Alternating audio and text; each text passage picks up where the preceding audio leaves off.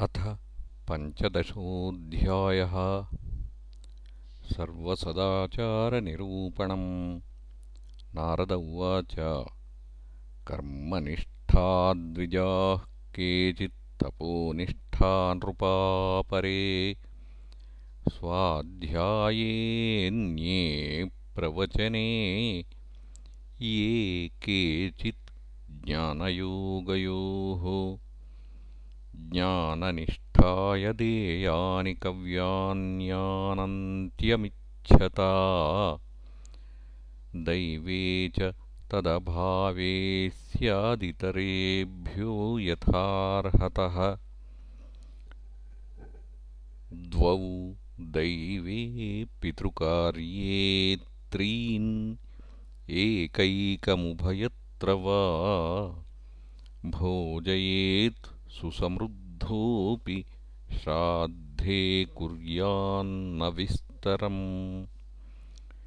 देशकालोचितश्रद्धा द्रव्यपात्रार्हणानि च सम्यग्भवन्ति नैतानि विस्तरात् स्वजनार्पणात्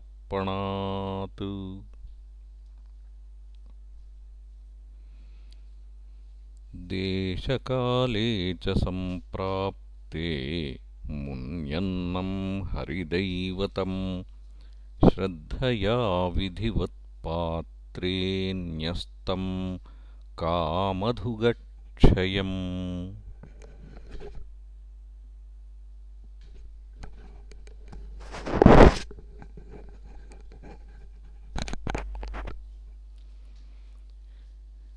देवर्षिपितृभूतेभ्य आत्मने स्वजनाय च अन्नं संविभजन् पश्येत् सर्वं तत्पुरुषात्मकम्।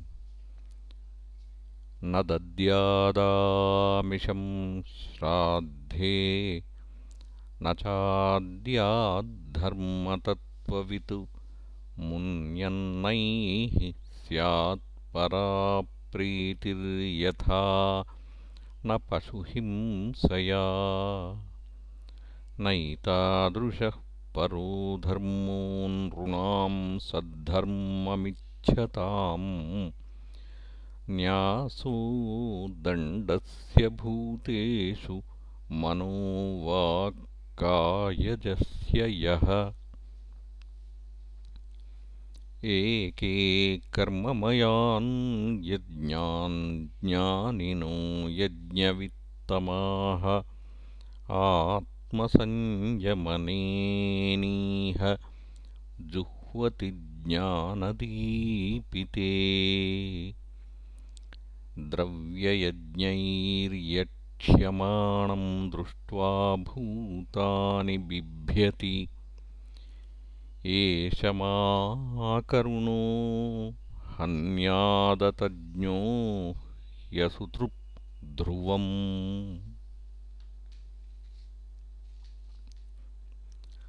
तस्माद्दैवोपपन्नेन मुन्यन्नेनापि धर्मवित्।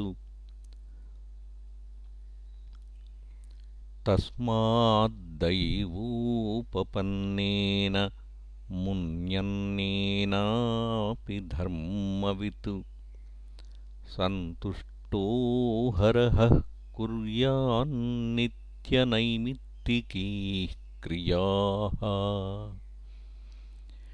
विधर्मः परधर्मश्च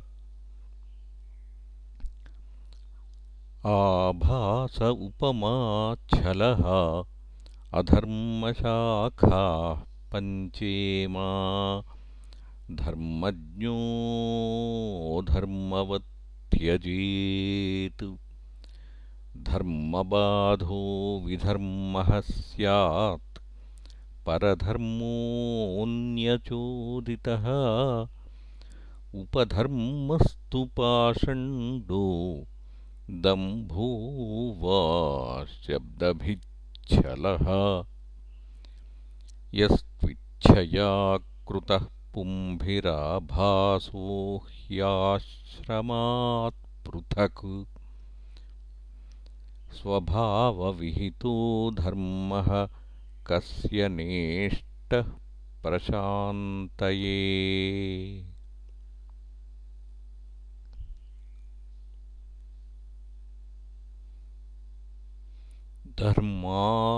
धर्मार्थमपि नेहेत यात्रार्थं वाधनो धनम् अनीहानीहमानस्य महाहेरिव वृत्तिदा।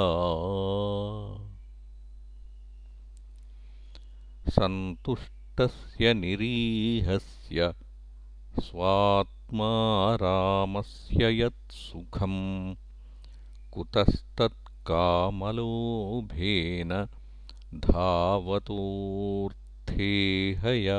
दिशः सदा सन्तुष्टमनसः सर्वाः शिवमया दिशः शर्कराकण्टकादिभ्यो यथोपानत्पदः शिवम्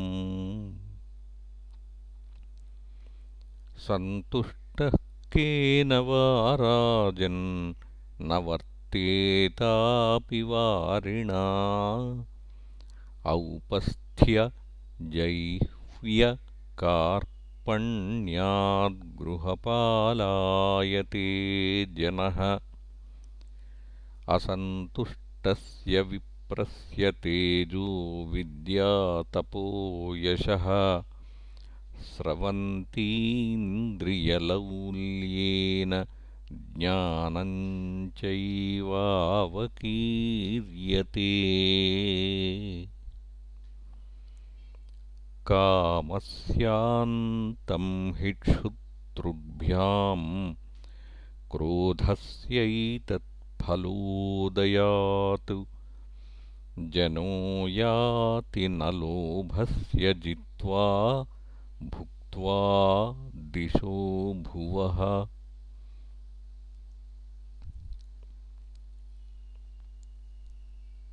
पण्डिता बहवो राजन् बहुज्ञाः संशयच्छिदः। सदसत्पतयोऽप्येके असन्तोषात् पतन्त्यधः असङ्कल्पाज्जयेत्कामम्। असङ्कल्पाज्जयेत्कामम् क्रोधं कामविवर्जनात्। अर्थानर्थेक्षया लोभम् भयं तत्त्वावमर्शनात्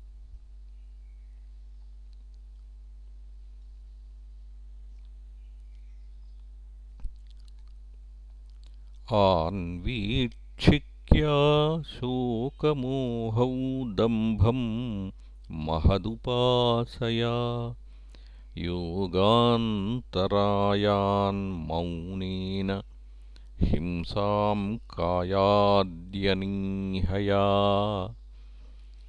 कृपया भूतजं दुःखम् दैवं जह्यात् समाधिना आत्मजं योगवीर्येण निद्रां सत्त्वनिषेवया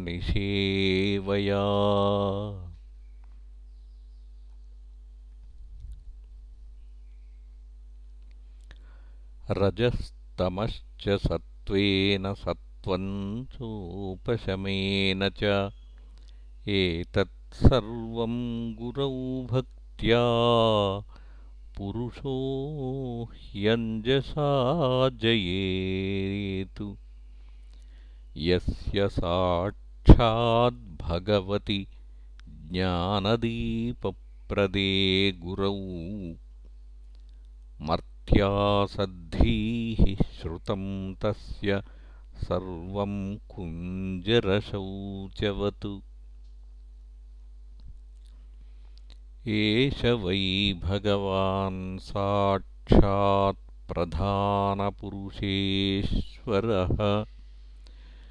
योगैश्वर्यैर्विमृग्याङ्घ्रिर्लोको मन्यते वरम्। एष वै भगवान् साक्षात् प्रधानपुरुषेश्वरः योगेश्वरैर्विमृग्याङ्घ्रिर्लोको यं मन्यते नरम्।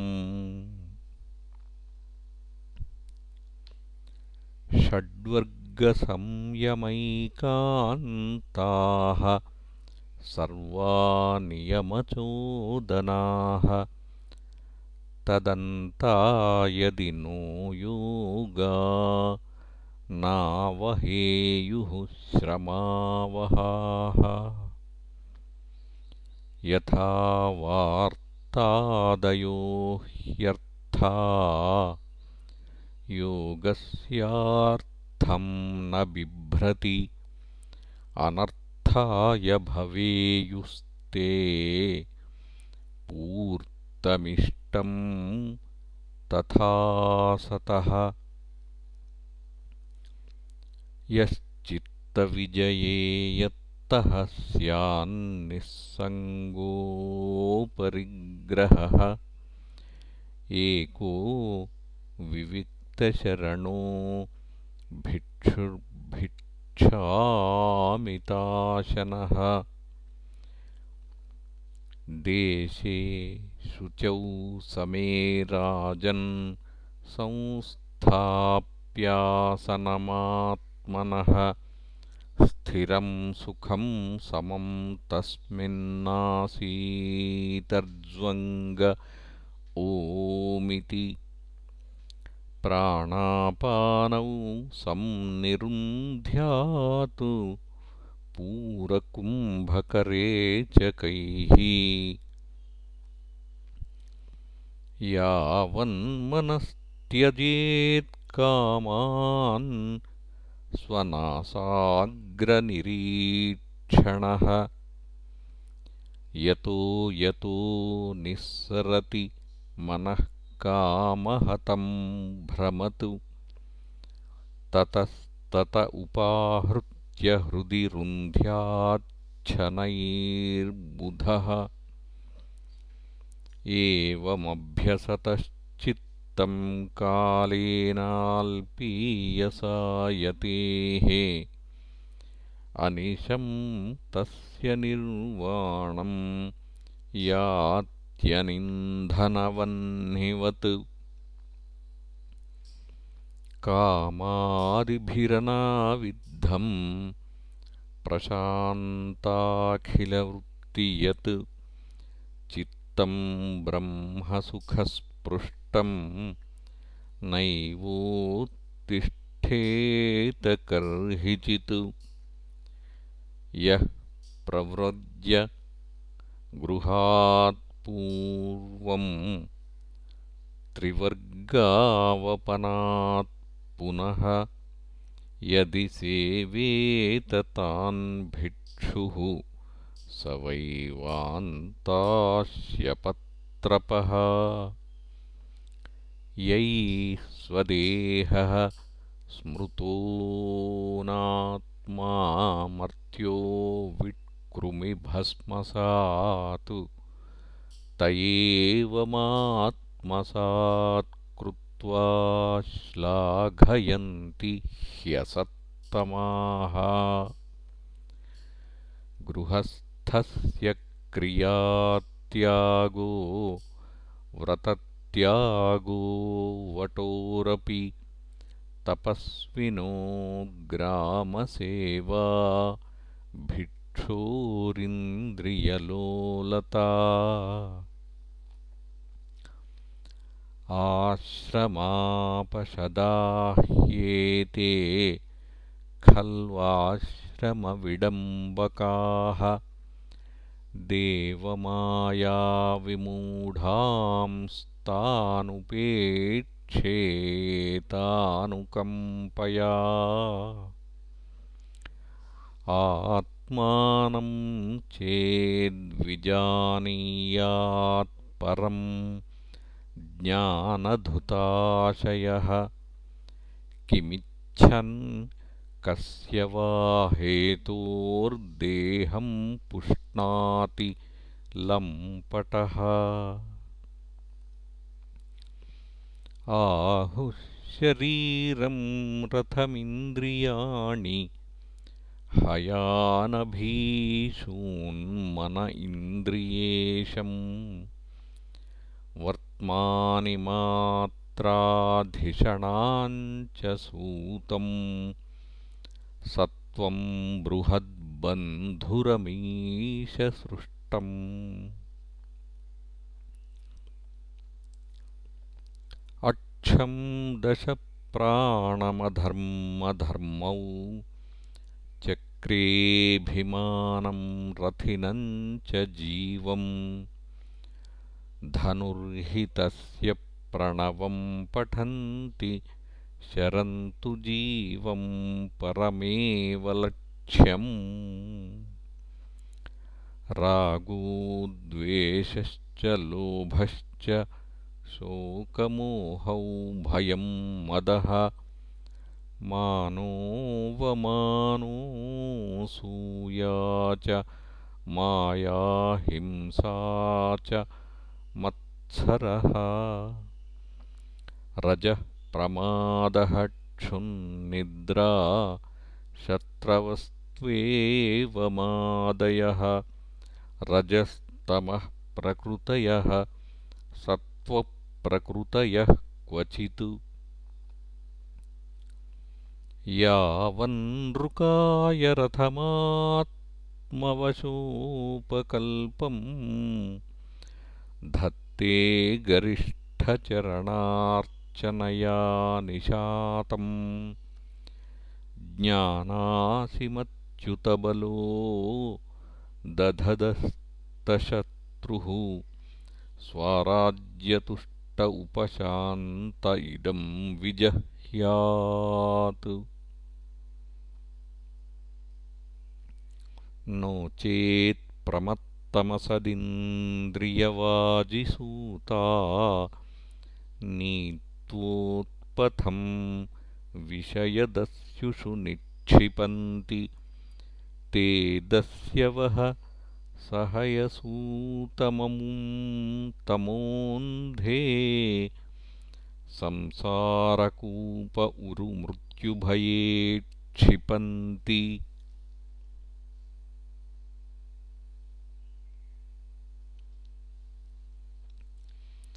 प्रवृत्तं निवृत्तं च द्विविधं कर्म वैदिकम्।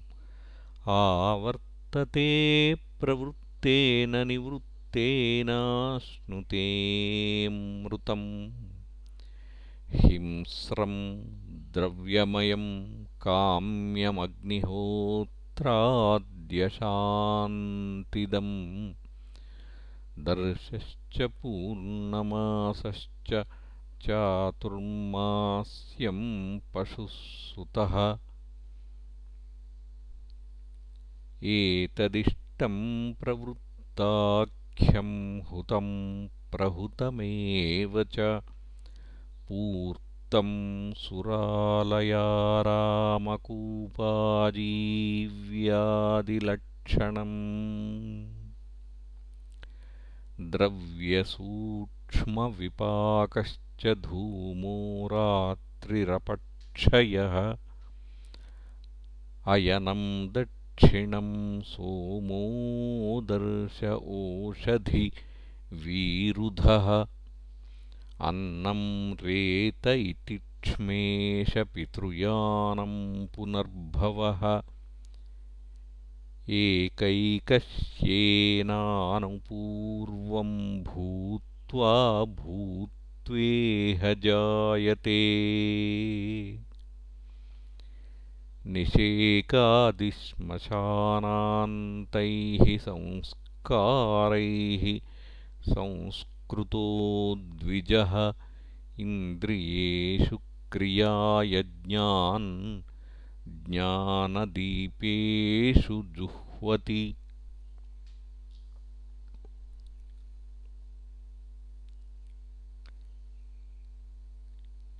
इन्द्रियाणि मनस्यूर्मौ वाचि वैकारिकं मनः वाचं वर्णसमाम्नाये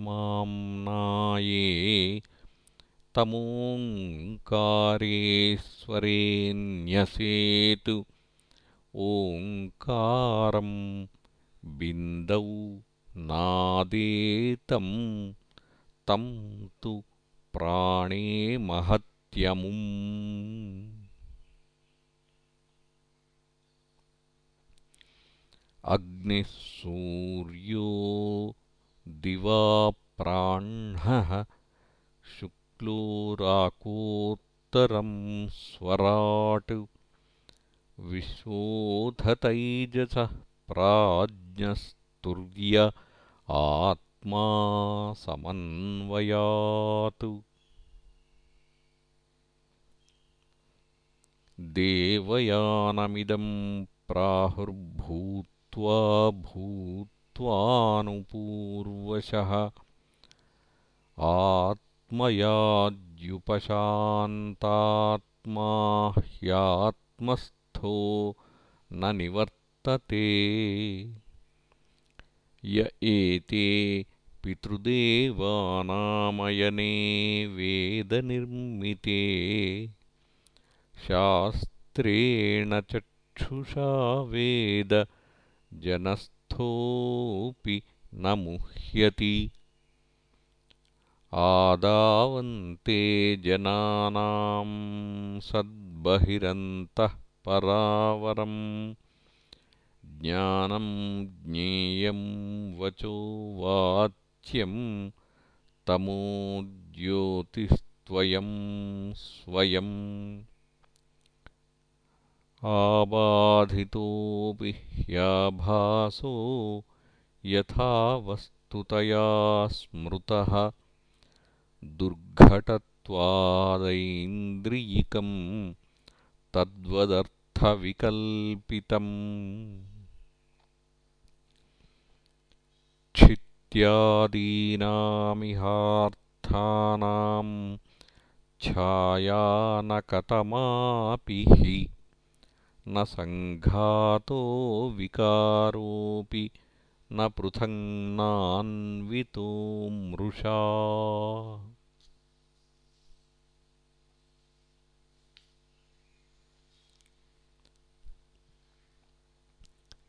धातवो वयवित्वाच्च तन्मात्रावयवैर्विना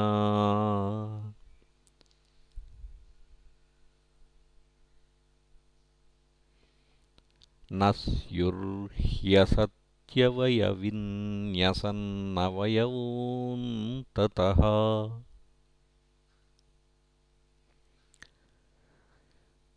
स्यात्सादृश्यभ्रमस्तावद्विकल्पे सति वस्तुनः जाग्रत्स्वापौ यथा स्वप्ने तथा विधिनिषेधता।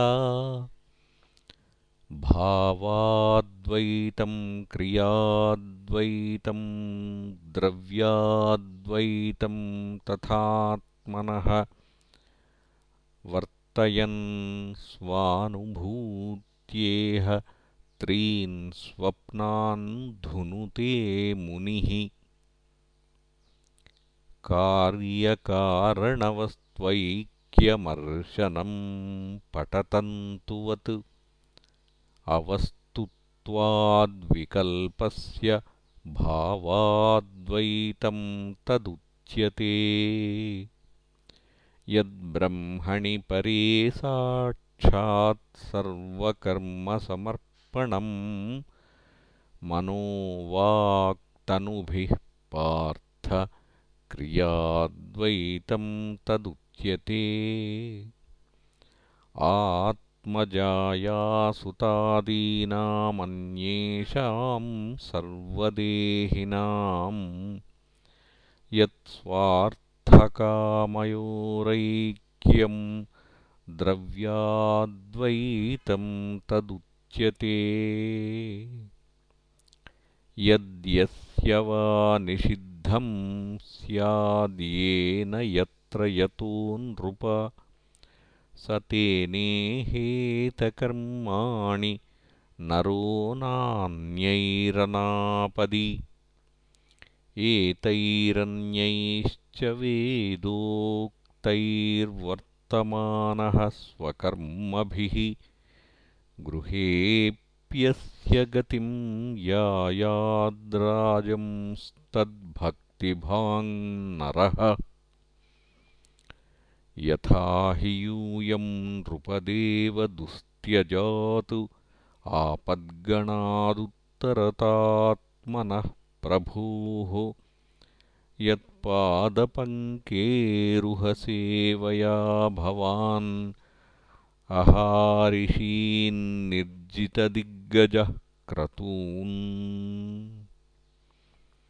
अहं पुराभवं कश्चिद्गन्धर्व उपबर्हणः नाम्नातीते महाकल्पे गन्धर्वाणां सुसम्मतः रूपपेशलमाधुर्यसौगन्ध्यप्रियदर्शनः स्त्रीणां प्रियतमो नित्यं मत्तः स पुरुलं पटः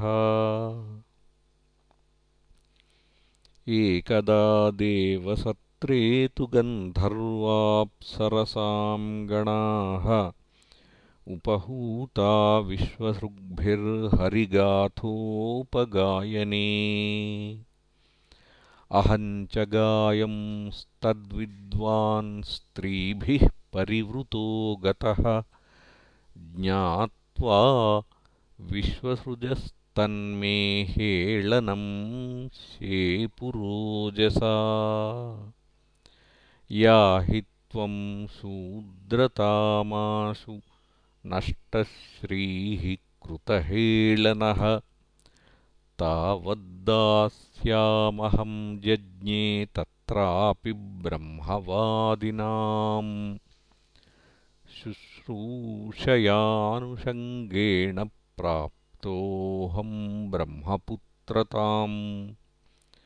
धर्मस्ते गृहमेधीयो वर्णितः पापनाशनः गृहस्थो येन पदवीमञ्जसा न्यासिनामियात् यूयं नृलोके बत भूरिभागा लोकं पुनानामुनयोऽभियान्ति येषां गृहानावसतीति साक्षाद् गूढं परं ब्रह्ममनुष्यलिङ्गम्। स वा अयं ब्रह्ममहद्विमुर्ग्यम्। कैवल्यनिर्वाणसुखानुभूतिः। प्रियः सुहृद्वः खलु मातुलेयः। आत्मार्हणीयो विधिकृद्गुरुश्च न यस्य साक्षाद्भवपद्मजादिभिरूपम् धिया वस्तुतयोपवर्णितम् मौनेन भक्त्योपशमेन पूजितः प्रसीदतामेष स सात्वताम् पतिः। श्रीशुक उवाच। इति देवर्षिणा प्रोक् तं निशम्य भरतर्षभः पूजयामास सुप्रीतः कृष्णम् च प्रेमविह्वलः कृष्णपार्थावुपामन्त्र्य पूजितः प्रययौ मुनिः श्रुत्वा कृष्णम् परम् ब्रह्म पार्थः परमविस्मितः इति दाट् दाक्षायणीनाम् ते पृथग्वंशाः प्रकीर्तिताः। देवासुरमनुष्याद्या लोका यत्र चराचराः। इति श्रीमद्भागवते महापुराणे वैयासिक्याम् अष्टादशसहस्रिकायाम् पारमहंस्याम् संहितायाम् सप्तमस्कन्धे सदाचारनिर्णयो नाम पञ्चदशोऽध्यायः इति सप्तमः स्कन्धः